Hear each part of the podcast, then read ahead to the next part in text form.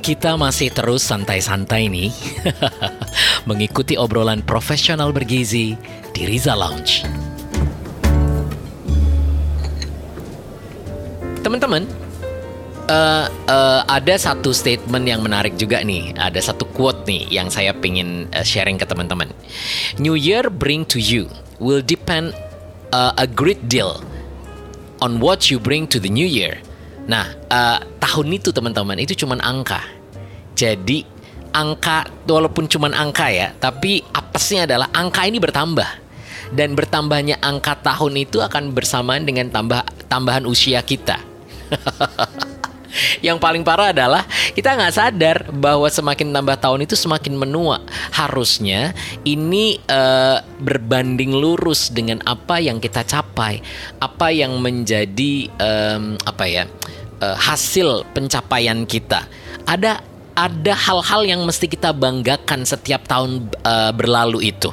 Jadi um, tahun lalu udah lewat kita menghasilkan apa ada satu kebanggaan. Tapi herannya kita tuh nggak kapok-kapok. Berkali-kali buat resolusi lewat gitu aja uh, kita santai aja kayak di pantai ya kan? Aduh.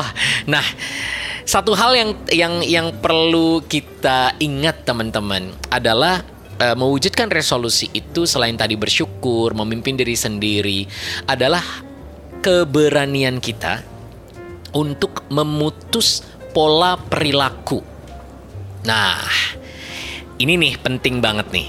Coba pikirkan perilaku buruk apa yang kita miliki dan kita kekep aja, kita rangkul aja. Dan uh, kita sadar bahwa kelakuan itu nggak benar. Cuman ya kita tetap santai aja.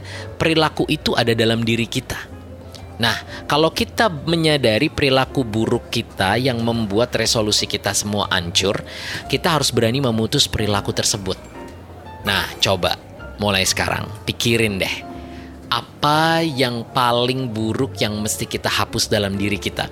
Karena kadang-kadang kalau kita bicara kambing hitam ya, kita asik-asik aja menyalahkan lingkungan orang lain. Iya nih, soalnya pekerjaan. Oh iya nih, soalnya ada kemarin melahirkan hamil, jadi nggak bisa mencapai resolusi kita. Ah, itu mah omong kosong. Segalanya bisa jadi alasan kalau memang kita jago bikin alasan ya kan. Tapi kalau kita jago untuk membuat strategi, pastinya uh, kita berani untuk menyalahkan diri sendiri. Jadi teman-teman saya ingatkan yang paling penting pertama kali adalah putus perilaku yang paling buruk. Udah gitu, ada strategi lain nih yang paling mudah juga dilakukan kalau kita pengen mencapai resolusi tahunan kita. Yang kedua adalah kalau Anda bikin resolusi itu jangan single resolution. Ada sebuah peribahasa berdua itu lebih baik daripada sendiri. Eh, ini bukan bukan berarti saya nyindir yang uh, belum dapat jodoh ya, tapi yang pasti adalah resolusi pun harus dikasih jodoh. Jadi, misalnya gini, kita pengen kurus. Ada dua cara nih. Kita harus mencari cara nggak boleh cuma satu, tapi harus ada dua. Yang pertama adalah diet, kemudian yang kedua adalah olahraga. Nah, bikin resolusi yang berpasangan seperti ini menjadi hal yang memudahkan diri kita untuk mencapainya ya kalau ternyata diet itu kita nggak bisa, at least olahraga menjadi hal yang sangat passionate dalam hidup kita.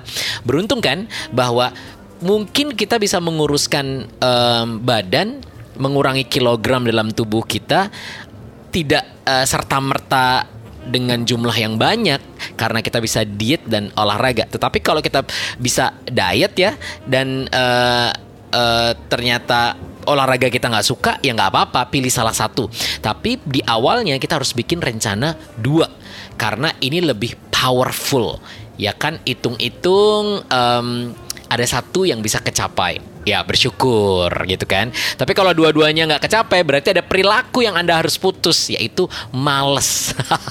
Males olahraga dan suka makan. Nah di antara dua hal ini harus anda putus uh, rantainya ya kan? Rantai hidupnya supaya bisa membantu kita mencapai resolusi. Oke saya mau uh, kasih tips lagi nih.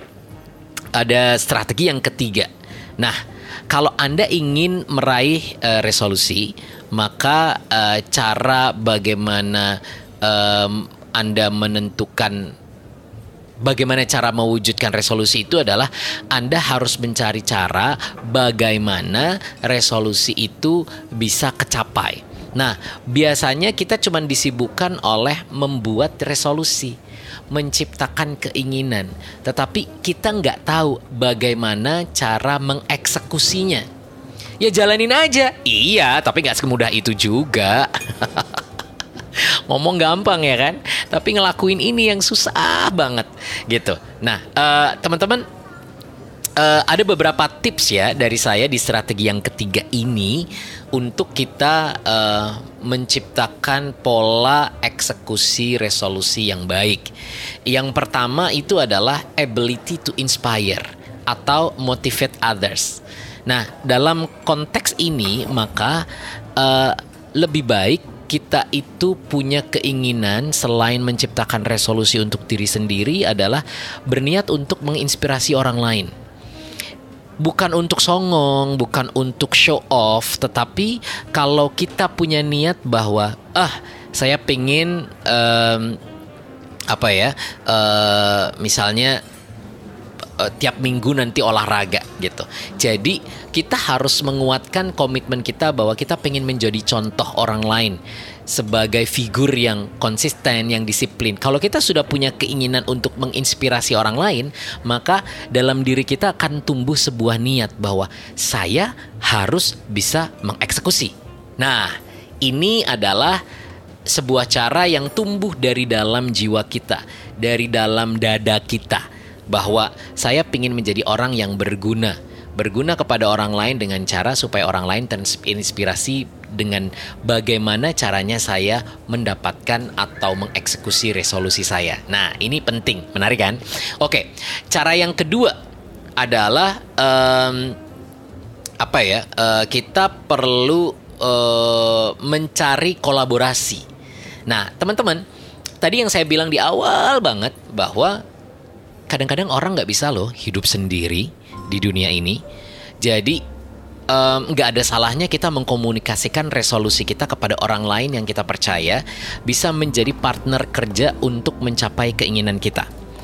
Jadi um, daripada kita susah payah butuh waktu yang lama untuk mencapai resolusi kita, mewujudkan keinginan kita, mendingan kita mencari partner nih di awal tahun siapa ya yang bisa membantu saya mencapai resolusi saya. Jadi nggak semua resolusi juga harus ditanggung sendiri. Nah, menarik kan? Ini butuh kerjasama, butuh keterbukaan, butuh orang yang punya kompetensi yang kuat dalam membantu uh, pencapaian keinginan kita. Oke, taktik yang ketiga itu adalah uh, saya pengen sharing dengan cara yang kekinian. Nah, ini adalah dengan memanfaatkan sosial media kita. Uh, Anda semuanya punya dong sosial media, ya kan? Jangan bilang enggak. Nah, cek followernya berapa. Nah, Taktik yang ketiga ini adalah jadikan follower kita di Instagram menjadi saksi hidup dari semua janji kita yang kita wujudkan dalam bentuk resolusi yang kita tuliskan dalam sosial media kita di awal tahun.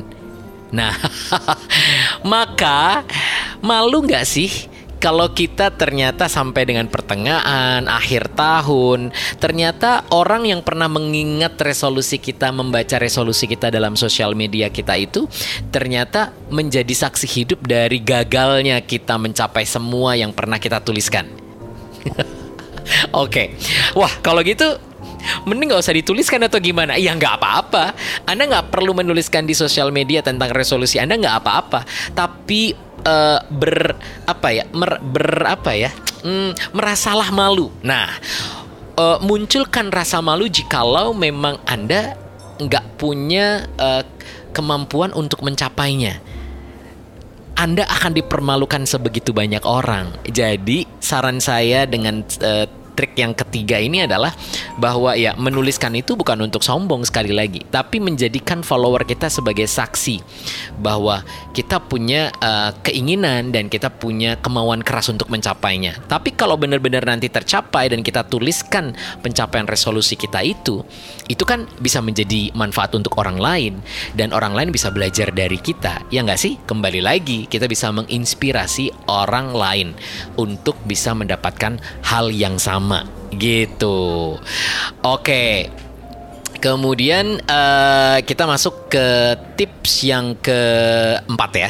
Jadi banyak dari kita yang seneng banget buat resolusi tapi lupa menyelesaikan inti kegagalan resolusi di tahun sebelumnya. Jadi please teman-teman jangan sampai kayak kacang lupa pada kulitnya.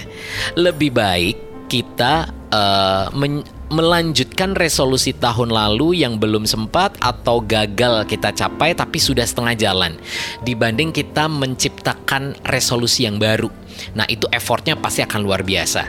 Jadi tips keempat ini ingat-ingat resolusi kita yang belum kesapai atau yang sudah kita jalankan setengah tetapi uh, lebih gampang kita untuk melanjutkan. Jadi jangan asik-asik buat resolusi kalau kita ternyata lupa terhadap apa yang pernah kita lakukan tapi gagal untuk kita eksekusi. Nah, uh, ada lagi juga teman-teman uh, tips yang kelima adalah resolusi itu bikinlah menjadi berwarna. Jadi jangan semata-mata karena kita pengen mobil terus kita lupa pada keinginan dan cita-cita kita yang lain. Misalnya nih, alangkah lebih baik kalau kita bikin resolusi itu banyak ya kan minimal 5 misalnya punya mobil, punya rumah, punya pacar, nikah dalam satu tahun. Jadi Wah, gawat nih gitu. Iya, nggak apa-apa. At least ada rasa untuk kita uh, bersiap-siap untuk bersyukur terhadap diri sendiri jikalau satu di antara lima tadi bisa kecapai tahun ini. Dibanding Anda bikin cuma satu dua resolusi tapi tiga-tiganya nggak kecapai. Itu bikin bete berat di akhirnya.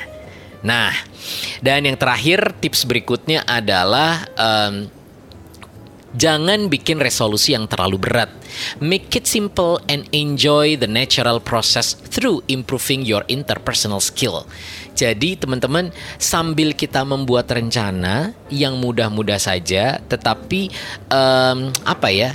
Tolong semua keinginan itu ditandem dengan perbaikan uh, skill kita ke, uh, eh, apa ya kemampuan kita talent kita kita kembangkan dan mencoba untuk memunculkan passion baru bersama bersamaan dengan pencapaian resolusi itu sendiri. Jadi kalau kita bisa membuat hal kecil tapi itu membantu kita untuk merubah karakter kita merubah attitude kita menjadi lebih baik why not ya kan? Gitu.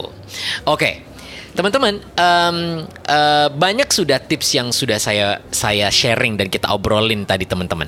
Tapi ada yang yang yang uh, mendasar ya menurut saya ya. Itu adalah perasaan insecure. Jadi um, yang paling penting teman-teman, sebesar apa pun resolusi dan cita-cita Anda, safety is a continuous um, a way. Uh, sorry, ulang Teman-teman, sebesar apa pun eh, cita-cita uh, atau resolusi Anda, safety continues to be a top priority for many uh, of us to execute our resolution. Jadi, teman-teman, kalau kita merasa insecure dengan hidup kita, maka kita pasti akan gagal mencapai resolusi. Jadi bahagialah, bikinlah kita semangat, bikinlah kita merasa safe dengan hidup kita bahwa ah kita pasti bisa. Jadi hilangkan keraguan, kemudian kuatkan diri kita untuk uh, bisa uh, yakin mencapai semuanya. Nah, tips berikutnya adalah uh, empati. Jadi uh, jangan bersiap-siap untuk um, apa ya? mentertawakan diri sendiri dengan cara yang sangat menyakitkan, malah membuat kita down gitu kan. Tapi empati pada diri sendiri kita pada diri sendiri itu menjadi hal yang sangat penting dan tidak boleh dilupakan. Ternyata kita memang benar-benar uh, tahun itu menjadi tahun yang apes banget. Kita gagal dalam banyak hal. Kita sedang diuji tahun itu. Maka empati pada diri sendiri menjadi uh, tempat atau lahan atau ruang buat kita memaafkan terhadap uh, kegagalan pencapaian resolusi kita. Selama resolusi itu memang gagal karena hal-hal yang di luar faktor yang bisa kita kontrol. Ada faktor X yang membuat keinginan kita tahun tersebut nggak berjalan. Nah, empatilah jangan pernah menyalahkan diri sendiri kemudian kita uh, menjadi shock kita menjadi down kita kecewa berat nggak mau keluar nggak mau melakukan apa pun itu akan membuat hidup kita terbebani nah teman-teman itu adalah semua tips, strategi, dan taktik yang menyadarkan pada diri kita semua bahwa resolusi itu nggak gampang. Resolusi itu bukan se uh, seperti kita jualan kecap yang dengan mudah mengatakan nomor satu, ya kan? kecap selalu nomor satu. Tetapi resolusi itu membawa dampak konsekuensi yang sangat logis pada uh, kedewasaan diri kita. Bisakah kita membuat rencana yang menurut kita uh, challenging? Bisakah rencana itu kita uh, capai dengan kemampuan yang kita miliki? Cukupkah modal diri kita sendiri serta kuatkah jiwa kita untuk bisa menerima berhasil atau tidaknya dari semua cita-cita yang kita susun dalam resolusi di tahun yang bersangkutan yang benar-benar nanti kita akan bisa capai atau tidak? Nah, teman-teman terima kasih banyak untuk uh, hadir di Rizal Lounge kali ini. Yang pasti semoga obrolan resolusi ini bukan menjadi hal yang apa ya uh, dianggap enteng, dianggap tabu, dianggap biasa. Tetapi uh, kita perlu sadari, saya ingin menyimpulkan bahwa ya resolusi itu adalah target pribadi yang terus menerus mesti dilakukan review. Karena manusia akan asik dan bisa merencanakan. Tapi gangguan juga asik menyerang. Tapi Tuhanlah yang menentukan. Sepanjang kita punya rencana, sepanjang kita punya kemampuan untuk menghilangkan gangguan, maka Tuhan pasti akan memberikan penilaian. Oh, ternyata memang kita ini layak loh bisa mencapai resolusi tahun ini. Oh, ternyata Tuhan itu memberikan rezeki yang banyak loh untuk tahun ini memudahkan kita mencapai resolusi. Jadi, jangan pernah takut pada gangguan, tapi uh, jangan pernah juga khawatir untuk menciptakan keinginan. Lakukan saja eksekusi dan nikmati karena resolusi itu bukan tentang jenis target yang ditetapkan, tapi tentang attitude mana yang akan mendampingi kita untuk mencapainya. Bagaimana kita bisa bertahan, mendisiplinkan uh, perubahan attitude menjadi lebih baik hingga kita bisa mencapai uh, sebuah harapan. Apa harapannya itu? Harapannya ya bisa mencapai resolusi yang sudah kita buat di awal tahun. Gitu. Sederhana sih uh, obrolan kali ini teman-teman. Saya nggak pengen ngajak berat ya kan? Karena ya itu tadi hidup ini udah udah berat banget. Jadi Rizalon sini pengen ngajak obrolan yang ringan-ringan aja yang membuat kita lebih happy uh, untuk menghadapi hidup ini. Oke Teman-teman terima kasih banget udah mampir di Riza Lounge. Uh, kayaknya mestinya udahan nih karena saya masih cabut.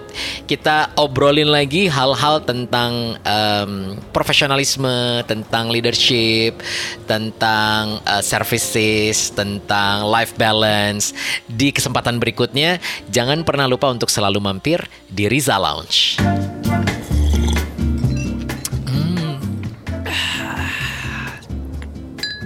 Ah, semua minuman sudah ludes.